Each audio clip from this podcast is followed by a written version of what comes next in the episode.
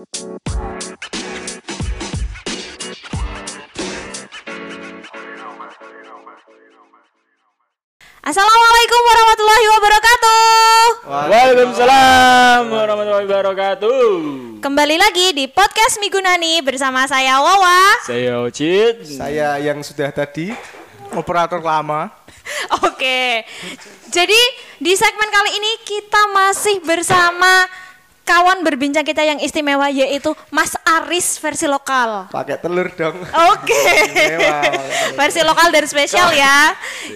Yang di eh, topik sebelumnya ini sudah terbukti dengan petuah-petuah dan pendapat beliau yang bijak, bukan seperti Mas Aris yang di sebelah. Oh, saya di sini hanya menjalankan mandat.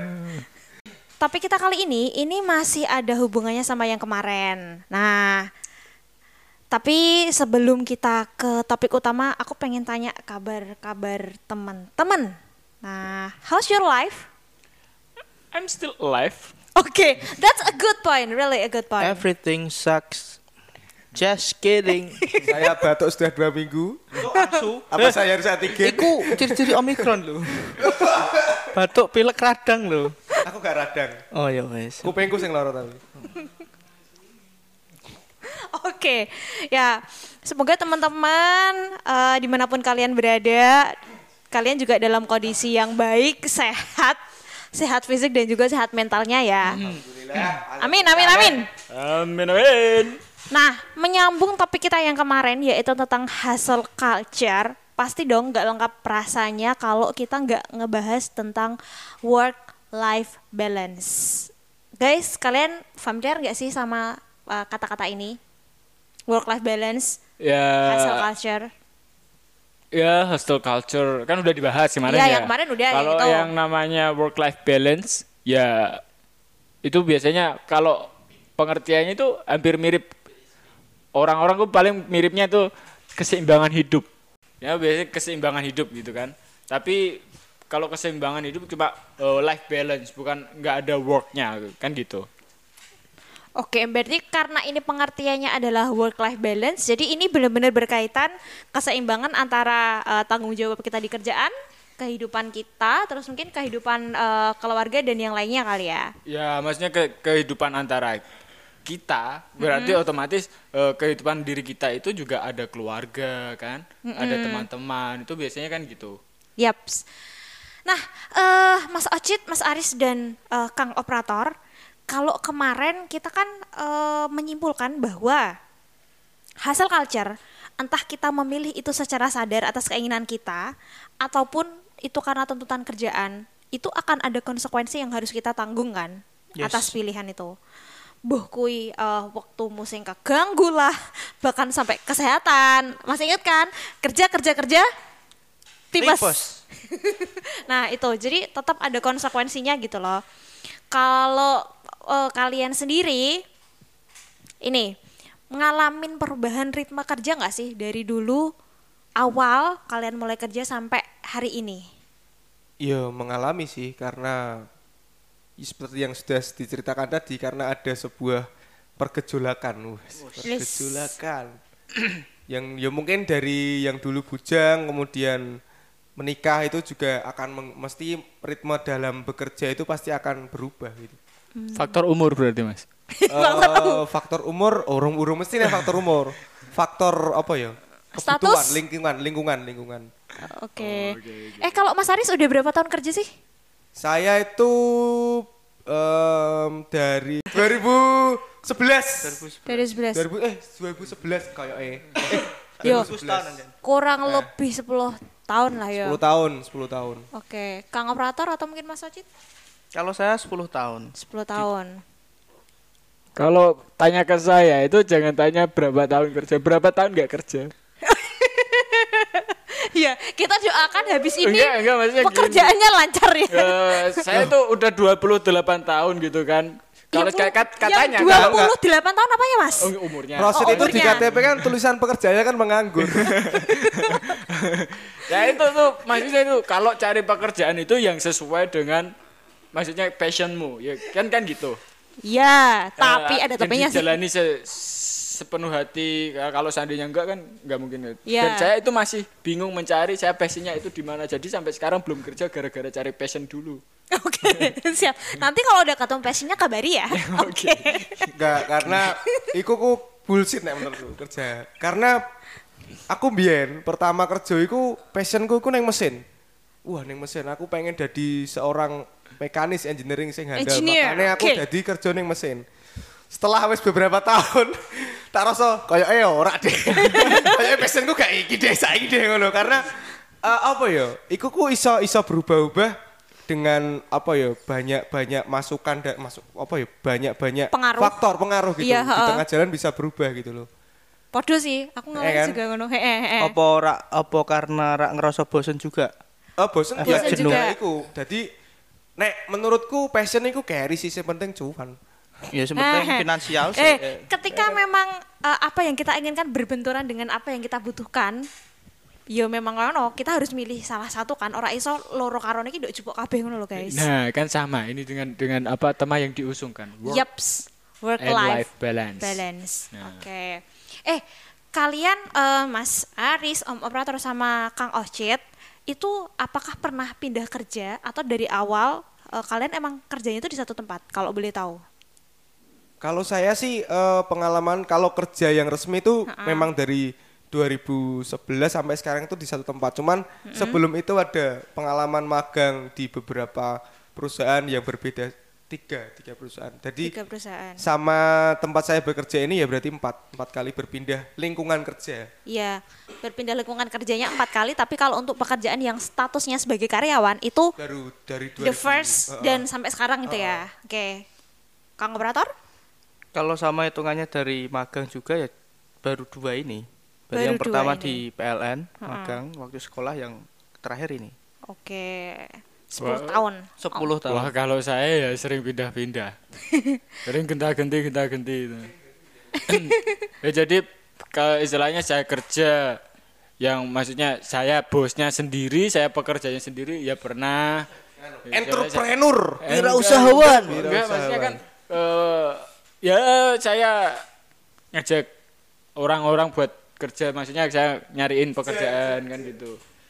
Ngasih Oke. waktu di Bali itu kan saya jadi tour guide, kalau ada tamu lebih kan saya lempar ke orang. Itu kan istilahnya ya lumayan. Kalau waktu itu juga pernah kerja sebagai budak ya pernah. Dipecuti terus. Oke. Iya, iya, oke, oke, oke. Nah, eh,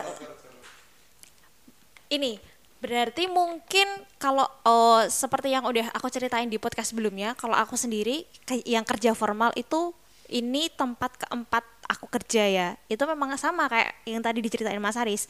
Ada perubahan ritme kerja sih dari yang pertama. Mungkin karena goal yang kita pengen dapetin itu bisa jadi beda nggak sih? Iya, betul. Mempengaruhi juga Mempengaruhi kan? sekali. Ah, ah. Terus eh ini apa? Karena ada perubahan ritme itu, itu work life balance kalian ikut berubah nggak sih? Jadi kayak mungkin yang awalnya di awal-awal kalian oh porsi terbanyak gue bisa kerja 10 jam nih. Tapi untuk sekarang karena mungkin Mas Aris yang udah berkeluarga, kalau kita yang lain BTW masih ini ya guys. Ada yang single, ada yang on proses. Mas Aris ini sudah berkeluarga ya insya Allah sa- keluarganya sekarang sakinah mawadah warahmah. Amin. amin Amin. Amin amin. Oke. Gimana nih? sebenarnya yang paling berpengaruh di apa ritme kerja itu menurut saya sih percintaan Waduh. percintaan kue ketika kamu jomblo Mudi kamu loh. bekerja mau pulang jam berapapun pasti tidak masalah tapi ketika kamu punya pacar Atau punya pasangan lah. lebih punya tepatnya. pasangan Punya anak. eh iya maksudnya kamu kerja telat sedikit pun itu akan menjadi masalah gitu loh dan itu pasti akan mengubah ritme ritme pekerjaan kamu kalau menurut saya Oh iya.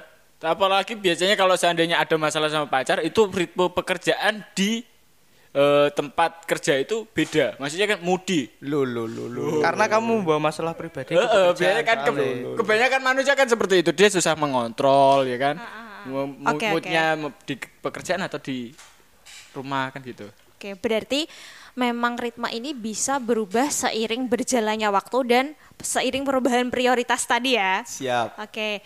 Nah, terus aku tuh penasarannya kayak gini loh. eh ritme berubah eh, dan work life balance kita juga berubah mengikuti prioritas. kapan sih kalian tuh sadar ada di titik eh wah ini kayaknya work life balance gue udah nggak baik nih. Per- kalau menurut saya patokannya itu adalah ketika kita sudah tidak punya teman. Kok iso? Dalam arti ketika kita em, sudah tidak punya teman mau nongkrong sama siapa bingung karena tidak dekat dengan siapa pun Ha-ha. dan tidak punya teman bermain karena memang kita jarang bermain, berarti Oke. itu ada yang salah dengan ritme pekerjaan kita. Wasik. Ini ini sih deep. Eh, Nggak karena dibenci teman-teman? Ya mungkin bisa jadi. Nah, mungkin kan itu salah satu faktornya karena jarang nongkrong Iya kan. karena mungkin itu eh kok kok saiki gak tahu teman yang diwae wah kayak sibuk kerja saiki dan lain sebagainya akhirnya em, itu pun mengganggu gitu loh jadi apa ya nek patokanku sih itu sih gak gak duwe hobi gak duwe konco gak duwe yang nah wih wis, nah, iya, iya. Tapi didit. Oke, ya bener kan? Balik lagi kayak semua yang kita pilih itu pasti ada konsekuensinya. Konsekuensi, konsekuensi pasti. Eh, eh. Nah emang kue spare waktumu akeh kanggo kerja yo, oke lah duitmu akeh, tapi hal-hal yang lain juga nggak begitu kamu dapatkan gitu. Ya itu sama ketika aku pas di Bali itu kan work life balance. Aku kerja terus maksudnya kerja dan balance untuk orang tua itu nggak ada. Soalnya kan jauh dari orang tua. Ya. Video call ibu nggak punya WhatsApp, nggak punya itu HP-nya masih yang model Candy Bar. kayak Ya gitu. zaman semono mas, aku juga ngono. Enggak, sampai sekarang pun ibu masih pakai Candy Bar kan. Pakai HP-HP yang jadul itu. Terus yang waktu dulu juga masih punya cewek ya kan. Itu tapi Dulu, dulu. dulu. sekarang punyanya cowok Enggak usah dibahas. Teman-teman ya cowok Allah. maksudnya ya. Hmm, jadi eh, mau video call itu pun juga susah. Oke, nah berarti ini pertanyaanku sudah lebih spesifik ya guys ya.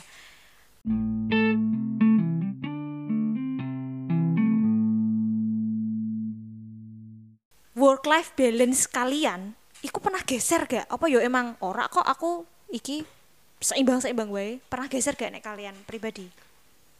Secara rak sadar kok ngono iku. Mesti kowe merasa balance tapi sebenarnya aku gak balance. Kue mengakui ya berarti. Iya. Berarti kue mengakui bahwa work life balance-mu WBL-mu Ha-ha. pernah geser. Pernah. Nek aku ya iku mau patokane karena saya pernah merasakan di titik kok aku gak duwe konco, gak tahu iso dolan, terus gak duwe hobi, gak iso melakukan hobiku. Iku iku wis berarti wis apa jenenge? Wis wis geser lho.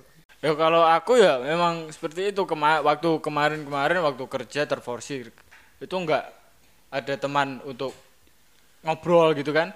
Ya memang bahkan sempat nelpon ibu tuh alhamdulillah. Wih, Mau diangkat ya.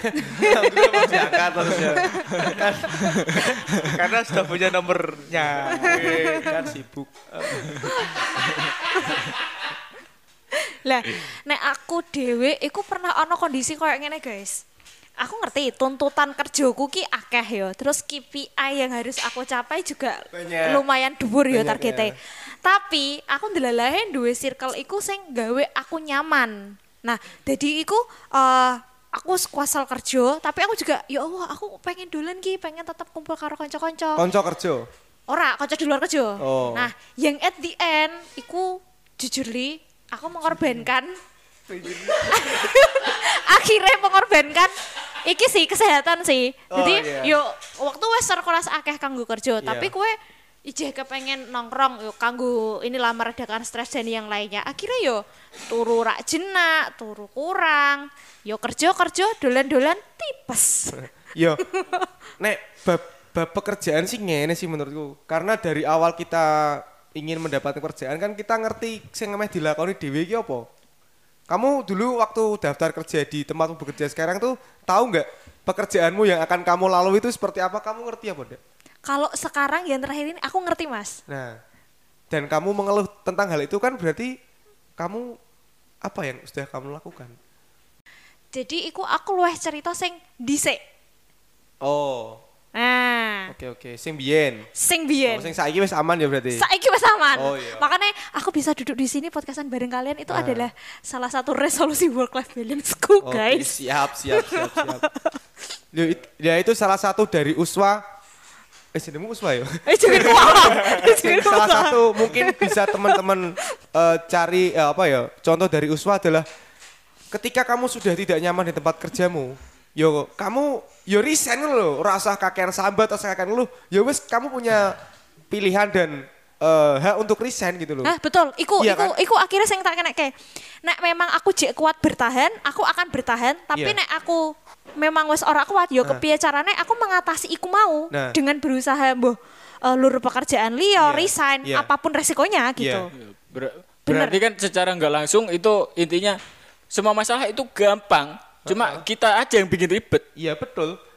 Kalau kamu bilang sorry nih, misalnya kamu kerja di marketing saat ini dan kamu mengeluh aku ki kerjane saiki wah ono targete di push di push dan lain sebagainya. Sa- sebelum kamu daftar pekerjaan, kamu kan tahu bahwa marketing itu kerjanya seperti itu. Yo, Yes. yo wes lakukan do it loh. Itu yang Kabeh kamu itu mau kan gitu yes, kan? kabeh ono resikonya. Iya. Begitu juga mungkin ketika kita memilih pekerjaan yang kelihatannya kayak zona nyaman, kantoran. Yo, kamu gak bisa mengharap gaji sing dua digit, bener gak sih? Siap. Nah, Memang seperti itu. iya, ono plus minus saya. Nah, jadi guys, relate dengan judul kita, sebenarnya yo, menurut kalian work life balance iku, iku iso tercapai gak sih? Ono rak sih sebenarnya ku. Nek menurutku ono. Sebab Eh begini, secara eh, kemudian apa ya, se- secara pengalaman itu ya, akhirnya kit- aku iso iso bisa bisa apa ya, bisa bisa memberikan sebuah pengaturan waktu dalam hidup ya, dalam arti ketika iki pas aku bujang sih ya, pas aku bujang, ketika hari Sabtu dan Minggu, aku piye caranya melakukan hobiku dan kumpul dengan dengan teman-temanku, yo memutuskan untuk itu. Dan punya hobi itu sangat penting penting, penting. punya penting. hobi itu sangat Iya. penting. Jadi kita pikiran kita kira mau kerja tok lho. Dadi kene duwe hobi sing iso dipikirno lho. Hobi yang kanggo ngaso rak sih. Kanggo ngaso juga Heeh. kanggo nyenengke, Iya. refresh Tapi tapi hobi yang positif otomatis ya. Of course. Kan soalnya ada hobi yang negatif. Oh iya sih. Nek Iya. yo yo piye yo. Hobi kan ora iso di iku ya. Maksudnya iku pribadi sih. Maksudnya. iyo, iku bersifat personal sih. Iya, heeh, subjektif betul betul. Nah, nek se- secara secara keluarga iki aku pun eh wingi eh, teman-teman podcast iki aku pun sing njaluk jadwal tetap iku aku biyen. Eh, aku tentang podcast iki. Jadi aku minta hari yang bener-bener pasti untuk kita take podcast. Podcast. Se- sebelumnya itu kan harinya kan acak. Acak. Sak selone, sak selone. Nah, yo. sekarang aku minta jadwal yang pasti sehingga aku bisa mengatur jadwalku kerja kerjaku jam eh, dino iki dino iki kerja keluarga dino iki dino iki tag podcast dino iki dino iki engko aku eh, piknik dino iki ngono iki iso iso diatur Oke, Nek menurutku betul. ngono sih Berarti fakta ya WBL work life balance itu menurut Mas Aris bisa dicapai. bisa dicapai Oke. Nah, tetapi yo, aku terus mikir kok ini loh guys. Eh, jam kerja orang itu kan beda-beda. Ono sing dekne eh, normally lah, normal iku wolong jam sedino. Apa mungkin eh, ono sing 7 jam, ono sing 9 jam. Terus dekne spare waktu pribadi eh, tidur eh, berapa jam, yang lain berapa jam berapa jam. Kadang aku mikir sebenarnya emang iso yo uang iku bener-bener menyeimbangkan waktu aku kerja semene jam, yang lain segini jam. Emang iso ya? Kayak ngono. Depends on the people. Maksudnya tergantung orang itu sendiri. Maksudnya kan ke- kehidupan semua orang itu berbeda-beda. Ya. Maksudnya eh, dia dia pengen work life balance, pengen ketemu sama keluarganya juga. Tapi ada juga kan yang keluarganya itu maksudnya setiap hari nggak bisa berkumpul kan juga itu kan itu kan juga ngaruh Kondisional, berpengaruh kondisional, kondisional ya. tergantung juga terus istilahnya kalau seandainya pengen jalan-jalan pengen apa itu juga nggak pasti bisa kalau seandainya dia jalan-jalan tetapi dia jalan-jalan sendiri nggak semua orang juga bisa jalan-jalan sendiri Iya, iya betul betul. Setuju, setuju. itu maksudnya piknik oke piknik tapi ketika sesu tapi eh, dia nggak ada yang bisa diajak piknik waktu dia ada eh, waktu itu kan terus dia akhirnya piknik sendiri malah dia bisa stres ada Iya. orang yang seperti itu juga Eh, eh, iya. ya kan Betul. jadi tapi ada orang yang dia itu work life balance dia piknik oke nggak ada kalau seandainya sama teman ah nunggu nungguin lamaan Eh, otomatis dia jalan sendiri malah ada yang seperti itu Dan dia bisa refresh. dia bisa refresh Itu kan berarti juga dampak positif buat dirinya kan? ya? Iya kan maksudnya eh, yang biasanya kan quality time sama teman sama keluarga itu kan ada kan yang seperti Iya. itu. Itu juga termasuk salah satu faktor work life balance bagi mereka. Tetapi enggak semua, soalnya ada orang-orang introvert juga kan. Iya betul benar-benar work life balance versi dia ya waktu untuk dirinya adalah me time. Iya. Jadi kalau bicara work apa life balance itu sebenarnya bukan waktu yang kita atur. Emosi. Ya. Emosi dan perasaan. Oke, bukan kuantitas waktunya berapa yang kamu Betul. habiskan untuk kerja, berapa jam untuk yang lain ya. Bener yang diomong diomong diomong sama Rosid, orang introvert dengan ekstrovert itu akan berbeda membalance waktunya itu. Ha-ha. Oke. yang ha-ha. yang yang yang dia puaskan sebenarnya kan emosinya. Oh, berarti lebih ke nata mental sama emosi, mungkin fisik juga. Heeh, dalam arti gini, em, aku ketemu anakku sejam ki aku wis seneng. Aku wis ngerasa cukup sekali. Heeh. Dan aku wis iso berinteraksi dengan anak iki misal ya, dengan Misal. anakku sejam iku wis cukup. Anakku iso sayang mbek aku, aku iso sayang mbek anakku dalam waktu sak jam iku, iku wis cukup, emosiku wis tercapai. Ya. Jadi aku meh kerja wolong jam, pitung jam, kemudian aku gak masalah. Oke. Nah, yang menjadi masalah adalah ketika kamu bersama dengan keluargamu, kue ameh piknik seberapa lama pun, tapi ketika emosimu iki durung mencapai kata cukup dan kamu kembali bekerja dengan ketidakcukupan itu, di pekerjaan kamu akan stres. Aku kangen omah, aku kangen bojoku, aku pengen iki, pengen iku, pengen ini dan lain sebagainya. Oke. Dan itu kan istilahnya ini ini contoh sing real ya, contoh sing real. Eh awakmu kan lagi bucin.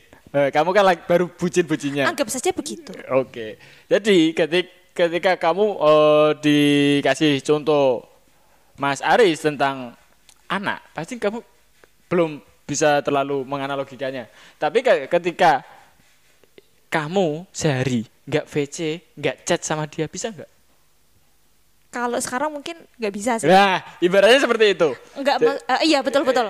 Eh, minimal misal katakanlah lima menit kalau emang itu bisa kita ngobrol, bisa Ya. sharing, Ya, ngebalikin bonding itu, kayaknya udah isti- cukup gitu ya, ya. itu istilahnya seperti itu. Jadi ya se- eh dan untuk pekerjaan, maksudnya gini, untuk orang introvert atau orang extrovert, ini ada sebuah quotes. Eh, ketika kamu di tempat tidur, kamu tidak akan pernah memikirkan satu hal. Saya ingin menghabiskan waktu yang lebih di tempat pekerjaan saya. Jadi pikirannya kok bener-bener ada di mana tubuh itu berada. Ya, mak- maksudnya dia nggak pengen kalau sudah di tempat tidur dia nggak akan mikir lagi aku pengen eh, kerja lebih lama kok daripada Iya, aku ha, ha, ngabisin waktu di rumah nggak ada orang yang seperti itu Oke. kecuali Ya. kalau dia punya gebetan di tempat kerja Oke, kalau istilah kerennya tuh ini loh, mindfulness. Kita Ya, benar-benar sadar apa yang kita lakukan gitu.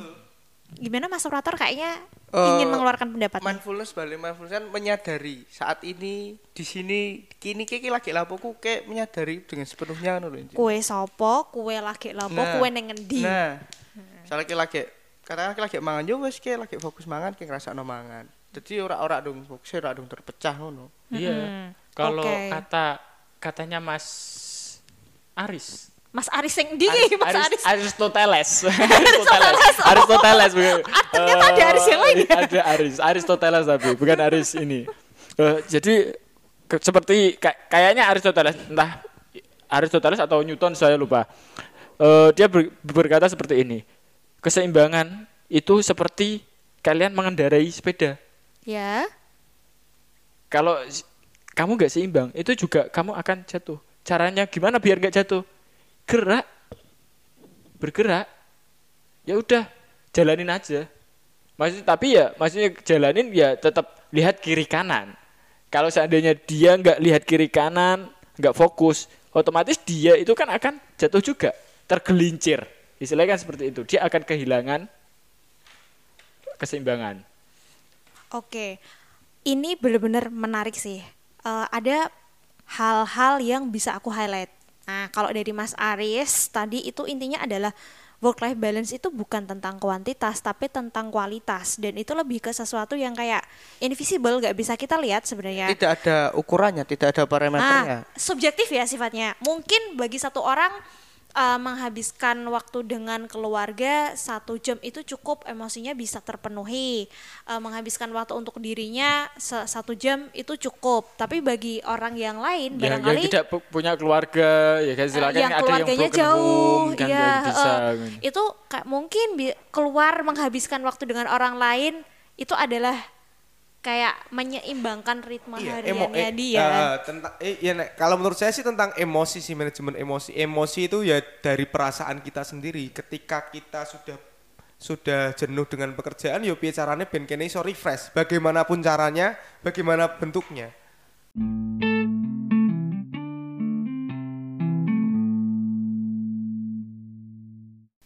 Oke oke. Tapi aku juga eh, mikir gini ya guys, ini kayak kasus lanjutan yang tiba-tiba terlintas di pikiranku. Itu kalau kondisinya kita sadar nih ya, WBL itu apa? Terus gimana cara kita mencapai WBL, work life balance? Cuma kondisinya kan ada orang-orang yang memang dia nggak punya daya, entah dia nggak sadar atau dia nggak bisa karena lain hal dan sebagainya buat mencapai itu. Kira-kira gimana tuh? Eh, maksudnya pekerjaan yang menuntut dia tidak bisa menikmati kehidupannya yang lain. Betul sekali. Oke. Em, apa ya? Karena nek menurutku iku rada angel sih dan memang dalam aku belum pernah belum pernah me- me- me- mengalami itu. Jadi itu pasti em wongnya ya stres memang. Jelas stres karena yang setiap dilakukan di pekerjaan itu menjadi sebuah pertempuran hatinya dia gitu loh. Aku misalnya dia eh, pengen balik, misalnya pengen balik kampung ketemu bapak ibu tapi dia ra iso dalam pekerjaan itu dia mesti sedih loh loh. Aku, Tertekan ya. eh, aku pengen Iya. balik, aku pengen balik. Sadar nggak sadar ya? Sadar gak sadar itu gitu. tidak akan seperti itu. Dan eh, istilahnya kalau orang-orang seperti itu itu harus punya istilahnya teman bicara. Seandainya dia nggak bisa ketemu sama keluarga, nggak bisa cerita sama siapa, pastikan ada satu orang yang kalian percaya untuk diajak sharing, sharing and caring. Maksudnya gini ya, mungkin untuk orang-orang yang belum eh, sudah berkeluarga, mungkin dia akan bercerita sama istrinya. Yes. Untuk yang sudah apa eh, belum berkeluarga tetapi Sudah berpasangan. sudah berpasangan bisa sama pasangannya. Kalau seandainya belum semuanya silakan maksudnya eh, silakan punya sahabat, punya teman kantor atau apa. Kalau seandainya tidak punya teman kantor, eh, banyak media sosial yang istilahnya jadi ini eh, kalian anonim aja. Iya, tempat membuang sampah ya, Ya, tanda jadi- kutip iya, sampah. maksudnya kalian itu anonim, nggak usah tunjukin siapa kalian. Yang penting kalian di situ ngetik bahkan sampai ada yang istilahnya apa namanya eh seperti website-website di situ kalian bisa curhat. Quora atau apa. Ya semacam Quora kayak gitu kan.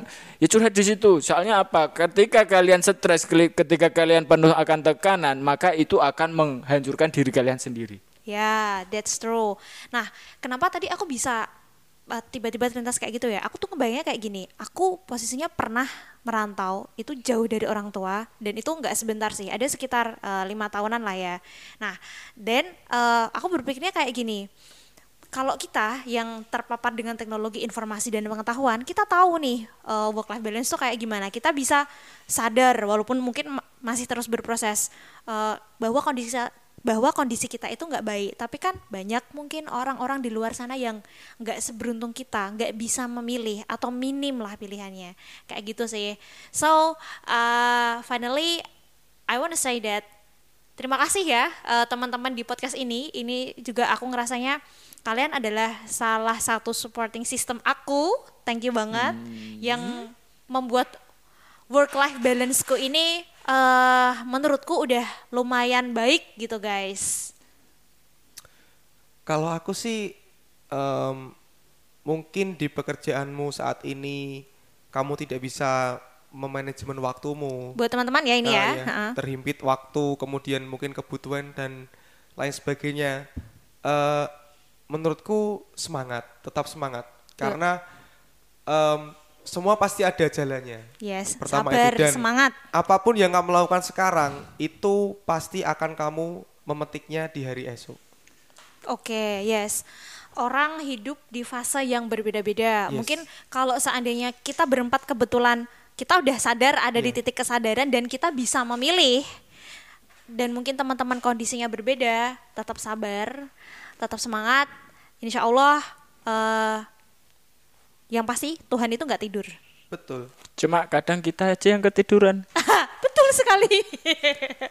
Oke, eh, tadi Mas Aris bisa jadi itu udah ini ya last word ya kata penutup dari Mas Aris. Mungkin Kang operator atau Ya, kalau mungkin? seandainya maksudnya ada teman-teman yang butuh bantuan, butuh maksudnya butuh tempat sharing, tapi tapi nggak ada apa istilahnya tempat untuk bersandar, bisa kok hubungi kita di eh, email kita, maksudnya di podcast itu ada emailnya di situ. Oh, iya, maksudnya cerita-cerita aja nggak apa-apa. Kita kita senang kalau seandainya itu bisa meringankan beban kalian. Mungkin eh, nanti malah kita akan ngasih ini Feedback? konten.